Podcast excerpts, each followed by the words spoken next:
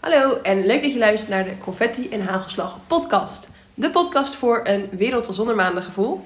En deze week gaan we het hebben over uh, grenzen aangeven. En voor de verandering zitten we dus niet alleen, maar zit ik hier weer met Kirsten. Hoi hoi. Hallo. We gaan het uh, hebben over grenzen aangeven en specifiek gericht op, uh, op je werk of je studie. Ja, een zakelijke context. Ja, een beetje zakelijke context. Als ik voor mezelf spreek, dan, nou, dan vind ik het nog best wel moeilijk om mijn grenzen aan te geven. Komt mede door mijn ambitie, mijn perfectionisme dat ik toch heel graag, en de controle die ik overigens graag heb, dat ik toch geneigd ben om dingen uh, naar mezelf toe te trekken. Terwijl, nou ja, vaak blijkt ook wel dat dat niet de meest uh, ideale situatie is. En dat het juist heel fijn is om je grenzen te kunnen aangeven. Um, dus daar gaan we het met je over hebben, deze podcast. We geven uh, een persoonlijk voorbeeld. We geven vier tips. en dan, nou ja, dan zit de podcast er alweer op. Zo. Kijk, zo gezegd, zo gedaan. hey, Anne, kan jij een voorbeeld geven waarbij jij je grens hebt aangegeven in een zakelijke context? Ja, um, nou, aan het begin van het jaar was. Nee, helemaal niet aan het begin van het jaar. Aan het einde van vorig jaar. Um, toen op een gegeven moment. Ik, studeerde natuurlijk nog. Um, en daarnaast werkte ik ook. dan heb ik een bijbaantje. En nou ja, ook nog confetti ernaast. En ja, dat was op een gegeven moment was het heel erg veel. En ik merkte gewoon dat ik echt over begon te lopen. Ik merkte inderdaad echt dat ik dacht van ja... Ik was de hele tijd gestrest en gespannen. En echt zo'n gejaagd gevoel kreeg je dan achter je aan. Um, en toen dacht ik al van, oh ja, nu ben ik ergens over een grens heen gegaan. Namelijk gewoon een soort van tijdsgrens. Ja. Dus niet per se een emotionele grens. Dat mensen iets tegen je zeggen of zo. Of dat je, je iets hebt laten zeggen wat je niet per se pikt. Maar gewoon dat ik dacht, oh ja, ik ben er gewoon over mijn eigen ja, tijdsgrens heen gegaan. En toen dacht ik al, ja, dit moet anders. Anders word je gewoon gillend gek. Uh, het zat ook wel echt aan te komen. Dat ik op, op een gegeven moment iemand vroeg, ook vroeg van mijn studie van, nou, en hoe gaat het met je? En dat ik zei, nou, nou best wel gestrest. En diegene zei, oh, wat gek, met mij gaat het wel goed. Dat ik echt dacht, hoe dan? Hoezo loop jij niet over van de stress? Thanks, vriendin. Ja, precies. Bedankt voor de support. Kunnen we niet ons samen ellendig voelen, dat is veel fijner. Um, dus toen heb ik wel op een gegeven moment grenzen aan gaan geven. Heb ik met mijn werk een beetje aangeklopt van oké, wat is er nou mogelijk um, om te voorkomen dat ik uh, gek word. En toen kwam ik er ook wel achter dat als je je grenzen dus niet aangeeft, um, ja, uiteindelijk niks meer waard bent of zo. Mm -hmm. Je bent, nou niet dat je eigen waarde van afhangt, maar dat je gewoon uiteindelijk niks meer met jezelf kan. Ja. Um, dus dat vond ik wel echt een leermoment. Hoe heb je dat bij je werk aangegeven? nou, ik had ook wel mazzel, moet ik ook wel echt toegeven, dat ik nog heel veel vakantiedagen had. En waarvan ik eerst zei van, uh, ik weet niet of ik die wel op wil nemen. Uh, eigenlijk zit ik wel prima gewoon met mijn ding. Um, en toen heb ik gewoon gebeld en gezegd, ik wil ze allemaal opnemen. Ja. Um, dus toen heb ik nog maar één dag per week gewerkt. Waardoor ik voor mijn gevoel dus een dag vrij en een dag extra had in de week. Um, dus dat scheelde ook wel. En ik heb toen ook tijdens een andere, toen gingen we een contract, over, een contract onderhandelen. Toen heb ik gezegd, ik wil min, want dat, mijn contract liep af en corona, dus alles ging anders. En toen heb ik ook gezegd, ik wil minder uren. Ja. Um, wat voor, voor hun alleen maar chill was. Want ja, dat gebeurt volgens mij niet vaak dat mensen zeggen, ik wil minder werken. Um, dus ja. Zo eigenlijk, ik ben ook wel prioriteiten gaan stellen, ook gewoon weer met studie en met dingen die ik dan eromheen deed. Dat ik dacht van, oké, okay, hoeveel tijd heb ik en waar wil ik het aan besteden? Ja. En zodoende eigenlijk. Het effect daarvan? Nou ja, ik had wel meer tijd. En dat scheelde wel echt heel erg. Gewoon dat je ook meer ademruimte voor jezelf creëert. Ja. Dat je um, gewoon denkt van, oh ja, ik kan nu gewoon wat meer rust nemen, wat meer pauze. Uh, ook meer tijd voor ontspanning inplannen. Want ik had op een gegeven moment voor mijn gevoel dat ik inderdaad altijd aan het werk was, altijd met iets bezig was en dat het alsnog niet afkwam. Ja. En dat ik daardoor ook beter dingen kon aftikken. Ja. En dat gaf weer ruimte voor, weer ruimte voor nieuwe dingen, maar ook gewoon ja, echt nog wel weer die, ontspan ook die ontspanning zeg maar, voelt in je lichaam. Dat je Ja. gewoon denkt, oh ja. Ja, want Ja. daar gaat het vaak over. hè. Als het gaat om grenzen aangeven op je werk of, in, eh, of bij je studie. Dat het vaak gaat over eh, te veel taken, te weinig tijd. Of eh, werkdruk. Of dat de balans zoek is. En ja, dat, dat is ook gewoon vaak lastig om aan te Ja. geven. En vooral ook denk ik, omdat je pas merkt dat je er overheen bent gegaan als het eigenlijk al te laat is. Ja. Als Ja. het gebeurt, dan denk je al, oh ja, Ja. shit, dat had ik even anders moeten doen. ja, vaak zie je die grens niet helemaal... Tenminste, ik zie de grens vaak niet aankomen. Ik voel de grens pas als, als die voorbij is. Ja. Ja. Maar ik vind dat vooral met taak inderdaad op je nemen. Heb je ook dat je zeg maar dan overschat hoeveel tijd iets, onderschat hoeveel tijd iets kost. Ja. Dat vergeet ik ook vaak. Emotionele grenzen aangeven vind ik makkelijker. Dat ik gewoon denk van, hé, hey, zo vind ik, zo hoef je niet met mij om te gaan. Ik wil dat Ja. je zo met mij omgaat. Vind ik, kun je ook een keer een podcast over opnemen. Ja. Vind ik makkelijker. Ja. Maar gewoon dat je onderschat met hoeveel dingen je eigenlijk bezig bent. Ja. ja. Maar wij zijn er wel mee aan de slag gegaan. Ja. Eh, we hebben inmiddels al een aantal keer de fout gemaakt. Ja. Eh, vaak, eh, ik zeg een aantal keer, maar gok ik wel. Nou, redelijk vaak de fout gemaakt om over onze eigen grenzen heen te gaan. En daar leer je ook van. Eh, en in deze podcast delen we dus tips met jou. Eh, mocht dit je bekend voorkomen, mocht je ook denken van ja, daar, eh, dat vind ik lastig, daar heb ik moeite mee. Ehm, dan hebben wij vier tips voor jou. Hoe jij volgende keer beter je grenzen kan aangeven. En mocht je meer tips willen, dan kun je op TikTok kijken. Ja, op onze TikTok. Wij, eh, wij delen op TikTok eh, nou, een heleboel tips eh, over grenzen aangeven, maar ook over doelen stellen, solliciteren, overtuigen van je collega's of je leidinggevende, je eigen waarde, jezelf profileren. Nou goed, een heleboel. Dus mocht jij starter zijn op de arbeidsmarkt of bijna gaan starten op de arbeidsmarkt en een interesse hebben in TikTok, eh, zo niet, dan mis je wat. Maar eh, nou ja, weet ons daar te vinden. Ja. Maar dat terzijde. Ja. Wat eh, is onze eerste tip? Hou het bij jezelf. Wat bedoelen we daarmee? Praat altijd vanuit jezelf. Dat is met feedback geven als je gewoon uit jezelf zegt: hé, hey, ik voel me zo of, of ik voel me zo. En dit gebeurt er bij mij.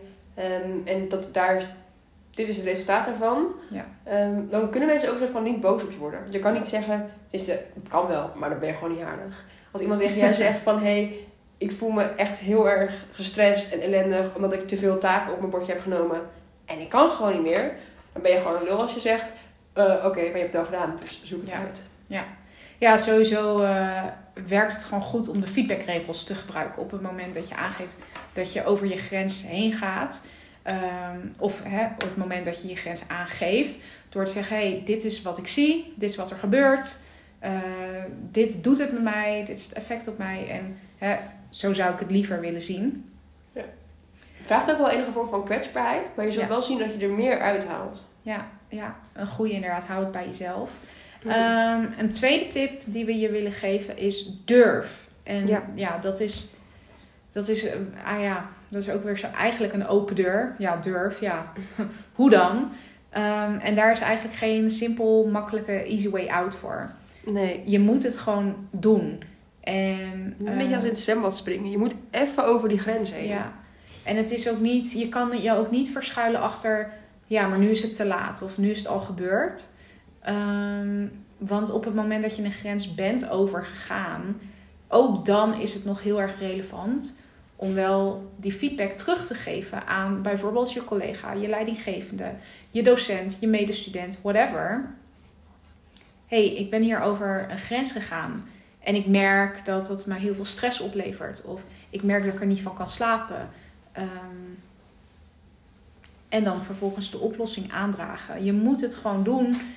En je moet ook Ja. gewoon denken, ja, eh, fuck it. Ja, we nemen ook die ruimte in. Ik bedoel, Ja. jouw ruimte mag er zijn. Ja. Dus dat is ook een goede tip. Derde tip. Ja, leg uit, maar onderhandel niet over harde grenzen. Dus leg wel uit waarom je bijvoorbeeld een grens aangeeft. Of wat is gebeurd dat je zegt, dit wil ik graag benoemen. Ehm, en soms proberen, proberen mensen dan een beetje de, de, grenzen, de, de grenzen binnen jouw grens op te zoeken. Dan denk ik bij jezelf, waar ligt echt mijn harde grens? Waar wil ik gewoon niet dat mensen overheen gaan? Natuurlijk, als je in, een team ook samenwerkt, je kan niet zeggen tegen je, je kan niet op een gegeven moment denken, nou, nu ga ik helemaal niks meer doen, want ik kan helemaal niks meer. Mijn grenzen zijn zo, zo, zo dichtbij me, ik kan, wil niks meer doen. Maar denk wel, oké, waar ligt een beetje mijn, mijn maximum of zo? Ja. En probeer daar dan ook iets onder te zitten. Ja. Ja, bijvoorbeeld eh, eh, op het moment dat je aangeeft bij, nou, laten we zeggen, je leidinggevende, op het moment dat hij of zij zegt: eh, eh, Kan je dit er nog bij doen? Of eh, eh, dit is er op onze agenda gekomen, kan je daar verantwoordelijkheid voor dragen? En je bordje zit al vol, het, het gaat er niet bij. En je geeft dat aan en je zegt: Nou, sorry, maar dat gaat me niet lukken. Of ehm, je geeft aan dat je zegt: Nou, eigenlijk je- heeft dit project prioriteit. De deadline is aankomende vrijdag. Ik heb daar geen tijd voor. Ehm, en vervolgens respecteert je leidinggevende dat niet en zegt. ehm, maar is het, ja, is het anders niet mogelijk dat je bijvoorbeeld vanmiddag wat langer op kantoor blijft? Of eh, ja, jeetje, dat, hoe gaan we het dan oplossen? Kijk, het, het, het is een dunne grens tussen samen kijken naar oplossingen en eh, bij iemand hulp vragen en dat diegene het probleem weer direct aan je teruggeeft. Ja. En dat is, ja, dat is een, een soort van spelletje wat je ja, ook moet leren aanvoelen. Ehm, dat het wel samenwerken blijft, maar dat het een gezamenlijk probleem wordt. En niet alleen maar bij jou ligt. Ja. Of alleen bij je leidinggevende. Dat is ook niet wat het, wat, hoe het is. Nee. Ehm, en onze laatste tip. Eh, zoek uit welke waarde er voor je achter zit. Ja, dus wat is de waarde achter eh, deze grens voor jou? Dus wat wil je bereiken met het aangeven van deze grens? Ehm, op het moment dat je dat namelijk weet, dan kan je ook vanuit die gedachte ehm, dat uitleggen. Ja. Zit daar bijvoorbeeld voor jou een betere werksfeer achter? Of een Ja. betere werk-privé-balans? Of minder werkdruk? Ja. En als je dat moeilijk vindt om te beantwoorden, Hebben wij hier een voorbeeld van? Want ja. Ehm, maar als je dat dus moeilijk vindt om te beantwoorden, stel dan jezelf de vraag: wat levert deze grens mij op? Een voorbeeld wat ik kan geven is dat ik eh, onlangs ehm, vond dat vind dat ik te veel verantwoordelijkheden eh, heb gekregen voor mijn functie. Eh, en daar, dat gevoel dat speelde echt al wel een, een langere tijd. Ik, ik vond dat moeilijk om, om daar precies achter te komen van... Goh, wat is, wat is er nou in mij waardoor ik dit niet chill vind? Want ik, ik doe heel leuk werk. Ik heb het heel erg naar mijn zin. Ik vind het super leuk om al die verantwoordelijkheden en taken te krijgen. Maar iets voelt er niet goed in mij. En waar ligt dat nou precies aan? Nou, en toen gebeurde er nog iets anders. eh, waardoor ik erachter kwam van... Oh, ik voel me niet gewaardeerd genoeg. Ehm, en ik wil graag eh, die betere werksfeer. En die betere werksfeer, dat lag, dat lag volledig bij mij. Want ik merkte dat ik gedemotiveerd werd. Ik begon te merken dat ik eh, de, het bedrijf wat minder leuk begon te vinden. Omdat ik me niet gewaardeerd genoeg voelde. Terwijl een ander kan dat niet ruiken. Op het moment dat jij niks aangeeft, ja, hoe ze kunnen, je, hè, je, je collega's, je leidinggevende kan niet je gedachten lezen. Nee. Dus toen ik voor mezelf helder had, oh, dit zit er voor mij achter, was het ook veel makkelijker om het gesprek daarover aan te gaan. Om te zeggen, hey, dit zit er bij mij niet helemaal lekker. En dat komt hier en hierdoor. Op het moment dat ik niet weet waardoor het kwam, ja, kan je ook niet echt helder je grenzen aangeven. Nee. Nee, dus dat is ook nog wel een, een goede afsluitende tip. Nog een extra bonus tip. Mensen kunnen niet ruiken wat jij wilt. Nee, Dus spreek het uit. ja, ja. Want, en het lucht echt op. Ja, dat vind ik ook altijd. Het lucht echt op. Het kan, hoe langer je wacht met iets zeggen, hoe groter het wordt. Ja. En als je het dan eenmaal uitspreekt, dan is het vaak ook opeens heel klein. Ja, dan denk je, oh, maakte ik me daar druk over. Oh. Maar goed, dus dat eh, voor deze podcast. Eh, je grenzen aangeven op je werk of in je studie. Ehm, mocht je daar nou meer over willen weten, check dan vooral onze TikTok. Op Instagram delen we er ook eh, een en ander video of post over. Ehm, ja, dat is het denk ik. Dankjewel voor het luisteren. En eh, Tot de volgende. tot de volgende keer.